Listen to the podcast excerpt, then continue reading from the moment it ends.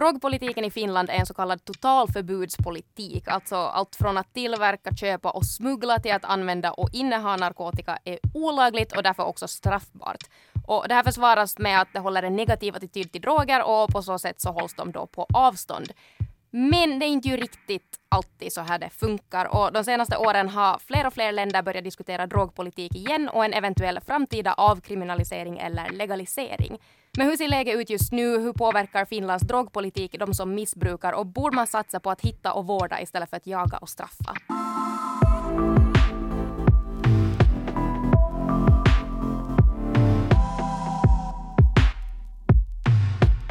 Före vi hoppar in desto mer i den här podden så tänker jag att vi först måste börja med att eh, reda ut tre termer eller begrepp, annars så kommer vi helt enkelt att tappa bort oss lite. Mm. De går lite in i varandra. Uh, och det är då legalisering, avkriminalisering och reglering. Mm. Och i den här drogdebatten, drogpolitiken, så blandas uh, ibland begreppen i alla fall avkriminalisering och legalisering ihop, men de betyder helt olika saker. Just det. Eh, legalisering innebär att något som tidigare var olagligt blir lagligt. I det här sammanhanget innebär det då, skulle det innebära att eh, just inneha och sälja droger skulle vara lagligt, till exempel det här systemet som man har för alkohol idag. Just det. Eh, så man skapar helt enkelt en marknad för det och som sen då kan regleras på olika sätt. Som vi också har med alkoholen, att den får säljas mellan 9 och 21. Mm. Och stark sprit får du på alko. Och ja. Sådär. Mm. Yes. Precis. Eh, och avkriminalisering sen igen så innebär att man inte kan straffas för att man har använt narkotika. Just att uh, sälja och tillverka är fortfarande olagligt, men du kan straffas för att du råkar ha det på dig. Just det. Uh, till exempel Portugal så avkriminaliserade droger för eget bruk 2001.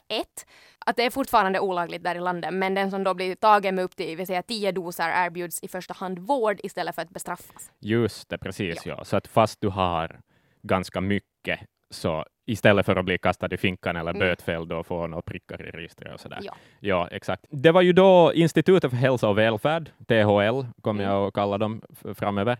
Uh, I somras så gick de ut med att de liksom ställer sig bakom en, en avkriminalisering av uh, narkotika. Och det ska också sägas att redan 2017 så gjorde Världshälsoorganisationen och FN detsamma, att mm. de börjar liksom digga de länder som snackar avkriminalisering på mm. något vis.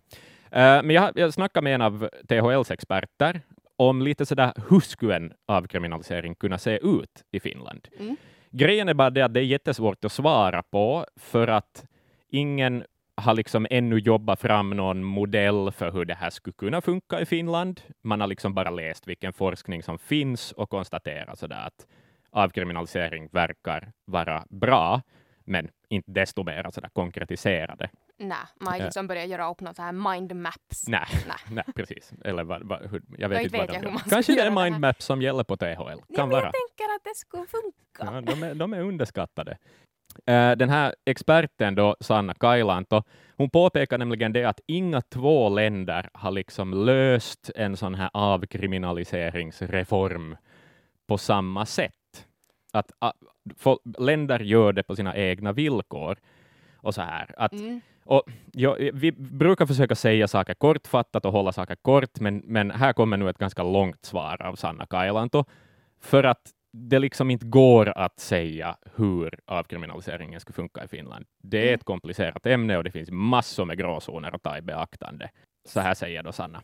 Tietysti me ollaan lähdetty niin kuin varovaisesti liikkeelle niin kuin siitä, että, että se rikosoikeudellisuus siitä niin kuin poistuisi. Eli Vi har försiktigt öppnat upp för att den straffrättsliga biten skulle tas bort ur lagen. Vi behöver ännu diskutera vilka andra möjliga följder som en avkriminalisering skulle föra med sig. Vi behöver titta närmare på olika avkriminaliseringsmodeller eller, fast ingen avkriminalisering har gjorts, vilka följder har droganvändningen haft i olika länder och så vidare. Det finns väldigt olika modeller i olika länder och de här övervägandena, vilken modell man tar, så behöver göras på det egna landets villkor och vilka metoder som skulle fungera bäst i liksom den kultur av droganvändning som finns i det landet. Det första steget så skulle vara att plocka bort användningen från liksom den här straffrättsliga biten av lagen och fundera över vilka alternativ man skulle kunna ersätta det med.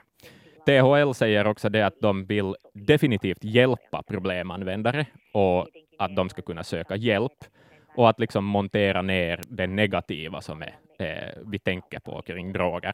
För det är inget brott om du har insjuknat i en beroendesjukdom, men THL vill inte heller uppmuntra till rusmedelsanvändning eller öka nöjesanvändningen. För att då det kommer till kritan så är alla former av bruk så ökar ändå riskerna och skadorna. Så det behöver finnas en balans i liksom vilket lands modell man ser att funkar bäst. Slutet citat. Ja, och som sagt så har ju då Finland en så här, för tillfället en så kallad totalförbudspolitik när det kommer till droger. Så det finns ju inte något wiggle room eller gråzoner eller något som vi annars brukar gilla att hitta. Mm. Eh, det är helt enkelt olagligt här. Men problemet är ju att Finland ändå toppar statistiken i Europa när det gäller dödsfall till följd av drogöverdoser bland under 25-åringar. Mm.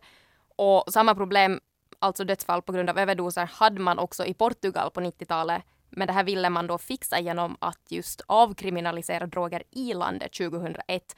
Och det låter ju kanske lite konstigt att man vill fixa, man vill ta bort problemet med droger genom att tillåta det. Mm. Men det sägs ha fungerat. Mm.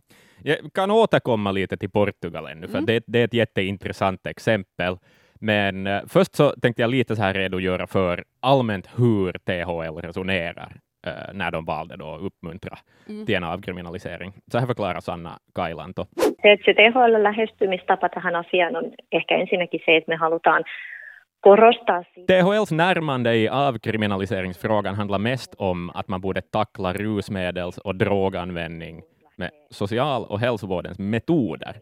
Mm. Målgruppen är problemanvändare och människor med starka beroenden, och de behöver social och hälsovårdens tjänster. Det att de kriminalrättsligt straffas så tjänar ingen och hjälper inte de som använder. THL vill också framhäva ett folkhälsomässigt så här närmande sätt istället för ett straffrättsligt. Mm. Uh, eh, THL vill helt enkelt förbättra problemanvändarnas situation. Ja de är ändå av den åsikten att bruk av droger, liksom, det kan inte vara helt ostraffat, men att det är ett brott är fel signal till en människa som har en beroende sjukdom, då en sån människa skulle behöva mera hjälp än straff. Slutet citat. Mm. Det är inte liksom, hej, allihopa får ta droger, utan man gör det av den anledningen att som du sa, vi toppar statistiken. Det börjar vara ett folkhälsoproblem och därför ska man treat mm. it as such. Ja, och här bör ju också sägas att just att avkriminalisera droger inte betyder att vi plötsligt står och säljer heroin på julmarknader. Nej. Det... Nej. För att återkomma till det där med Portugal, för att Portugal nämns oftast, kanske till och med alltid, som ett bra exempel på hur avkriminalisering kan, kan då liksom vända ett folkhälsoproblem. Mm. Så i det landet då, du får inneha små mängder av alla droger, vad som helst, hårda som mjuka, uh, och du kan inte straffas för det.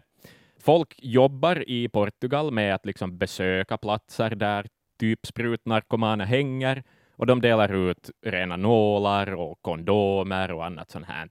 Uh, liksom. Mm. Uh, och, och, så talar de också med dem de möter och liksom försöker presentera vilka alternativ som finns, kanske sådär i vården, att sådär skulle du vilja sluta med droger, vi har de här programmen, du kan få de här medicinerna, tänk på saken. Sanna Kailanto då på THL, hon ser vissa risker med att man ska jämföra Finland med Portugal, eftersom situationerna och liksom själva problemen har varit väldigt, väldigt olika. I Portugal då, eh, på 90-talet, så räknar man alltså med att en procent av befolkningen och det här gäller alla samhällsgrupper, alltså bankdirektörer till uteliggare, mm använde heroin. En procent av befolkningen. Uh, och det här förde då med sig massor med överdoser och ökade antal av HIV-fall. Så här mm. säger Kailanto då om att jämföra. Sanotaanko näin, että kannabiksen käytön lisääntyminen oli niin kuin murheista pienin. Ska vi säga så här att cannabisanvändningen ökade så var den minsta av sorger i Portugal. Plus att den här förändringen gjordes jättesnabbt eftersom den här situationen var så katastrofal. Uh, därför är också Portugal dåligt att jämföra med, för att de hade väldigt lite data på hur situationen såg ut före avkriminaliseringen. Man ville liksom stoppa den här explosionsartade ökningen av heroinrelaterade dödsfall, så det fanns liksom inte ett intresse av att kartlägga hur situationen såg ut vad gäller till exempel förebyggande beroendevård eller användningen av andra droger. De, de har ingen sån data på det viset, tillförlitlig data. Okay. Så att det går inte riktigt att säga vad som har hänt kring liksom Portugals allmänna användning av andra droger eller cannabis före och efter den här förändringen. Slutet citat. För att fokuset var liksom att nu måste vi få folk att sluta dö och få folk att sluta få HIV. Jo, det, ja, det är ju kanske de man sätter sig ner och säger vänta lite, vänta lite, vi ska Nej, vi skriva upp lite siffror först. Ja, i en par, fyra, fem år. Liksom. Nej, mm. det, det, de hade inte tid med det, Nej. helt enkelt. Så det går liksom inte att säga att om du avkriminaliserar droger så händer det här, för att en avkriminalisering är inte bara en avkriminalisering, det är andra metoder också liksom att just som för Portugal, att de delar ut rena nålar och de har ett program för att försöka få folk in i vården. Men herre, jag tror också att nu måste de ju ha använt någon form av mindmap när de gjorde upp det här. ja. För att jag tänker att det är ju så mycket de ändå har måste ta i beaktande. Fast inte vi nu vet helt säkert på grund av siffror hit och dit att eh, hur bra det här sen sist och slutligen var, mm. så är det ju otroligt mycket de har tänkt på när de har gått, eh, eller gjort de här förändringarna. Okej, så det räcker alltså inte med att bara avkriminalisera något utan man måste också bygga upp ett system för hur man då ska kunna hjälpa människor med ett drogberoende. Och in, det är inte ju bara att säga att okej, okay, yes, tummen upp till droger, klara er själva, varsågoda. Uh, och det är inte heller det man vill med det här utan man vill ju ta bort den här stigman så att folk med lägre tröskel skulle kunna söka hjälp och komma tillbaka på fötterna. Mm. För det här det är ju ett problem med att drogerna är olagliga för att uh, det uppenbara är ju allt, att allt som är förbjudet gynnar den svarta marknaden, mm. men sen visar också statistik att användningen bara ökar ändå. Fast det är olagligt, ja. ja. Precis. Och det fanns också just en viss dipp under coronan. Just världen stängdes ner, det var inte lika lätt att få tag i och så här, mm. men det börjar nu vara uppe i samma siffror som före pandemin. Mm. Och därför skulle man också bättre behöva kunna reglera det här och hjälpa människor och just tillbaka till Portugal ännu en gång, att istället för att jaga missbrukarna så börjar staten där vårda dem. Mm. Ja, och jag pratade med Emil Bergman som är en före detta användare om vad just han anser om att reglera droger istället för att just förbjuda dem. Och han berättar så här. Delvis tror jag det skulle ha minskat skammen som man själv liksom känner som, som missbrukare. Man vill ju vara liksom, eller man vill inte egentligen att man ska se när man är i sina, mm, det blir ju ens värsta och mörkaste stunder sen när man är riktigt djupt i träsket. Men att det skulle, jag vill tro i alla fall, att, att det skulle då kanske kännas mera okej okay, liksom att söka hjälp.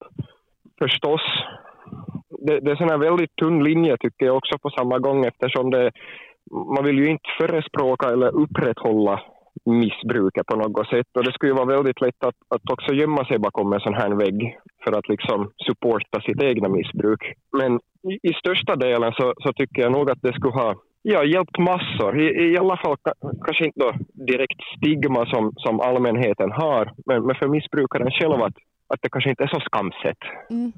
helt enkelt. Att man inte behöver ha skuldkänslor heller. Och att det skulle vara accepterat att man har då just knarkat eller använder opiater och stimulanter och, och inte behöver vara, liksom känna sig som djävulen i samhället.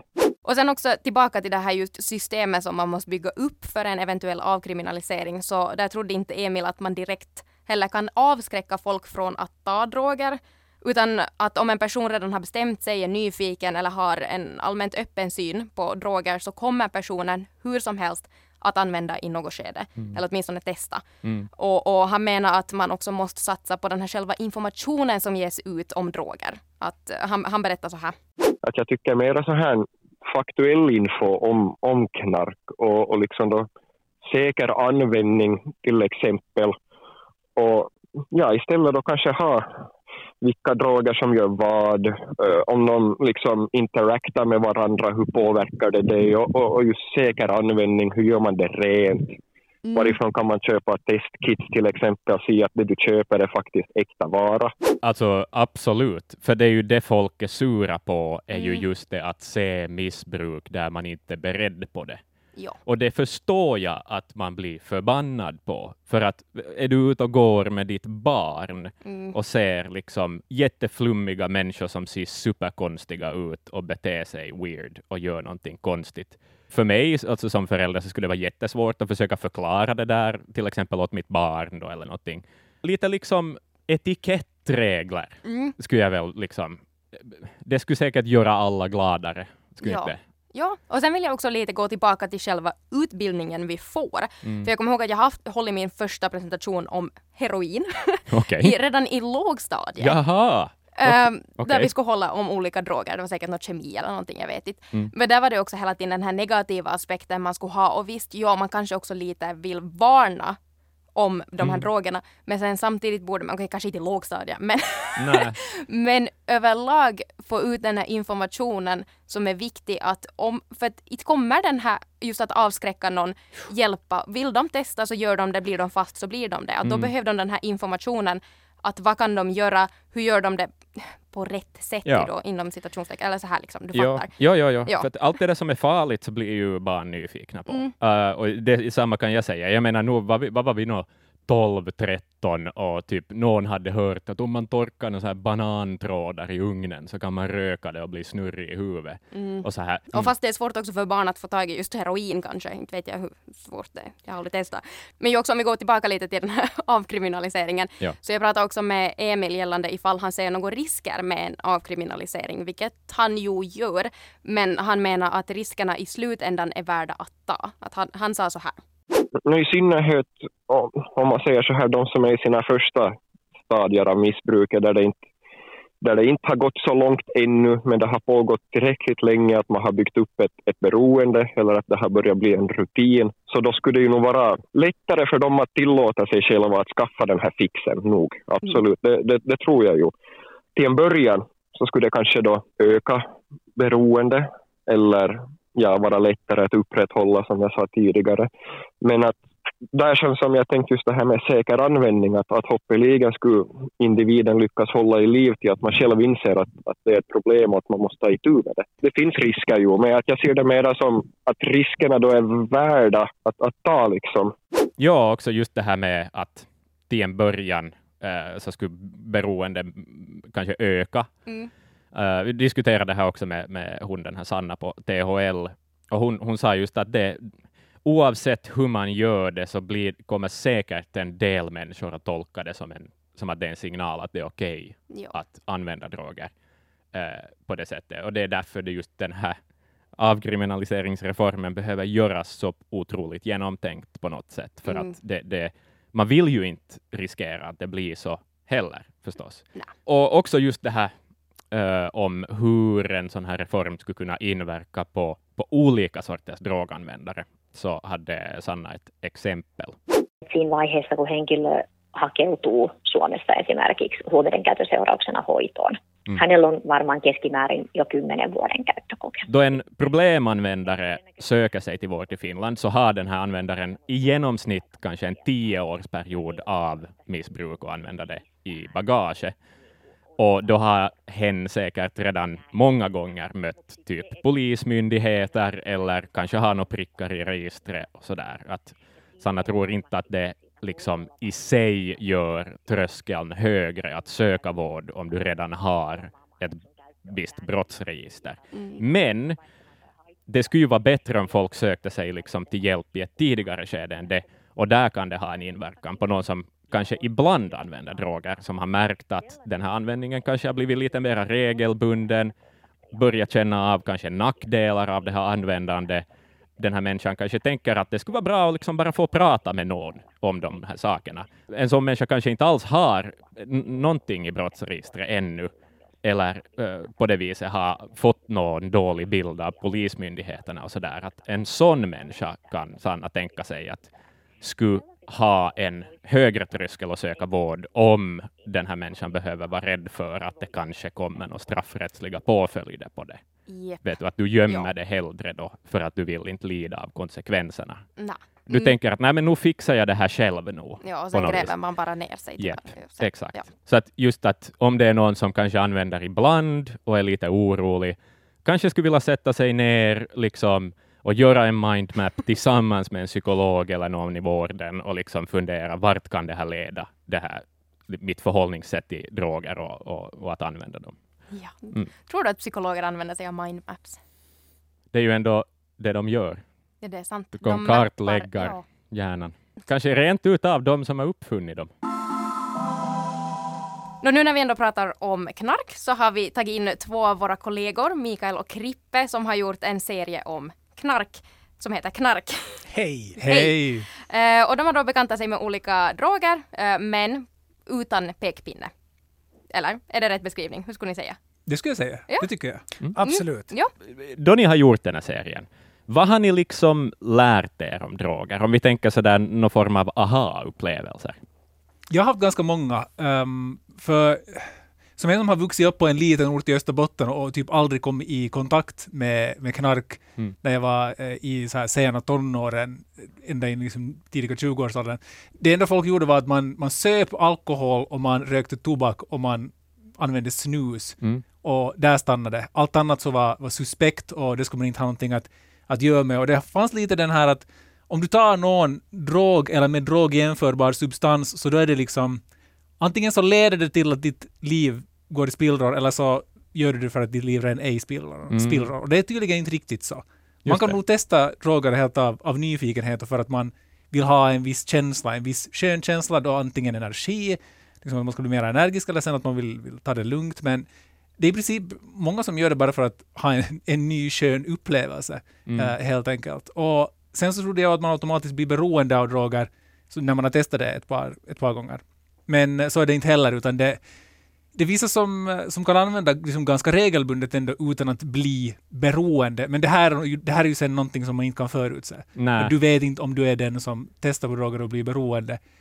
Och sådär. Och sen kan det vara att, att någon slags drog blir du inte beroende av, men sen finns det någonting då i din, i din, liksom, din, din kemi Mm. som gör att vissa droger blir du sen mer beroende av, eller har mer benägenhet att bli beroende av. Det är just den här diskussionen som är på något sätt, den är så tabubelagd för att nu när jag satt här och lyssnade på dig så, så det lät ju helt jätte sådär "Åh, hur kan du tala så här om droger, liksom att, att det inte är livsfarligt. Och, och det är kanske det som vi också ville föra fram med den här med den här serien, att det inte är svartvitt. För jag tycker diskussionen om det oftast är jättesvartvitt. Ja. Och, och man kan inte säga sådana saker som att, som att alla du blir inte genast beroende. Och det, det finns ju en massa riskfaktorer och det såklart tar vi upp också i det här programmet. Liksom. Men, men att jag tycker det är dumt att man ser på saken med en så här moralistisk åsikt utan att titta på vad faktorerna är. Och också liksom att det, det, de flesta sakerna i världen är hemskt komplexa och, och, och man vill lätt bygga upp en, en simpel världsbild för att det är helt enkelt lättare att fatta saker på det sättet. Ja. Men, men speciellt den här drogfrågan så är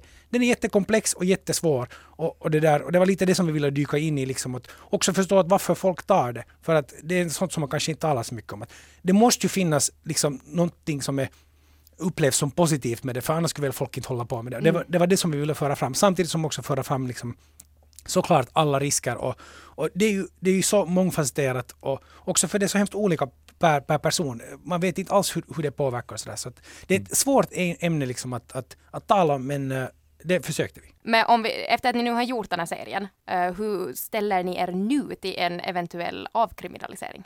Avkriminalisering, menar du liksom av alla droger eller av... Nå, alltså i princip. Det här som, Eh. som THL i princip förespråkar, Mm, att, ja. att ersätta att det inte ska vara liksom polismyndigheten som har hand om Mm. det, utan att det ska vara vården i Ja. princip. Så alltså inte en legalisering, men bara en avkriminalisering, Ja. att inte du straffas.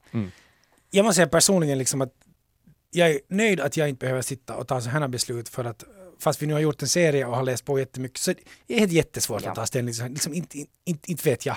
Jag tror inte att någon vet men, men jag tycker att det är på väg mot rätt håll därför för att de mest utsatta är ju sådana som är så här grovt beroende av, av de här ämnena och det, det är väldigt problematiskt att, att de blir liksom eh, det är kriminaliserat, det vad de håller på med och det, det, för, det för helt klart bara mera problem på, liksom, på- den fronten. Att jag, det är någonting som jag tycker att man absolut behöver liksom, överse för att det, man, man straffar för ett beteende som, som man inte kan rå för. för det, man är ju liksom, beroende är ju liksom en, det, det, man, man är ju sjuk i, i, i det skedet och det är inte så hemskt mycket val man, man, man kan göra där. Så, att, så absolut. Jag vet inte riktigt hur mycket det, det gör för samhället, liksom, om, det, om det är bra eller dåligt för själva liksom, samhället i, i stort, men jag tror att en avkriminalisering kanske skulle göra någonting för stigma. Och det som människor i allmänhet, de som aldrig kommer i kontakt med droger någonsin, det som de människorna tänker om uh, människor som, som tar droger. Okej, så den här serien Knark som vi då har snackat om, var kan man se den? Man kan se den på Yle-arenan just nu. Det är sex stycken avsnitt. De är 12-ish minuter långa och handlar om en substans per avsnitt. Och droger och knark, man snackar mer och mer om det i samhället. Jag tycker att de här avsnitten säkert är bra att, att se om man vill kunna följa med debatten i framtiden. Arenan.yle.fi det här var veckans avsnitt av Fatta grejer med mig, Laura och Axel. Tack för att du lyssnar och om du har kommentarer om avsnittet så får du jättegärna höra av dig till Axel. Axel.brink.yle.fi Yes, eller sen till mig på laura.tornros.yle.fi. Du hittar oss också på Instagram under namnet yleextremnyheter.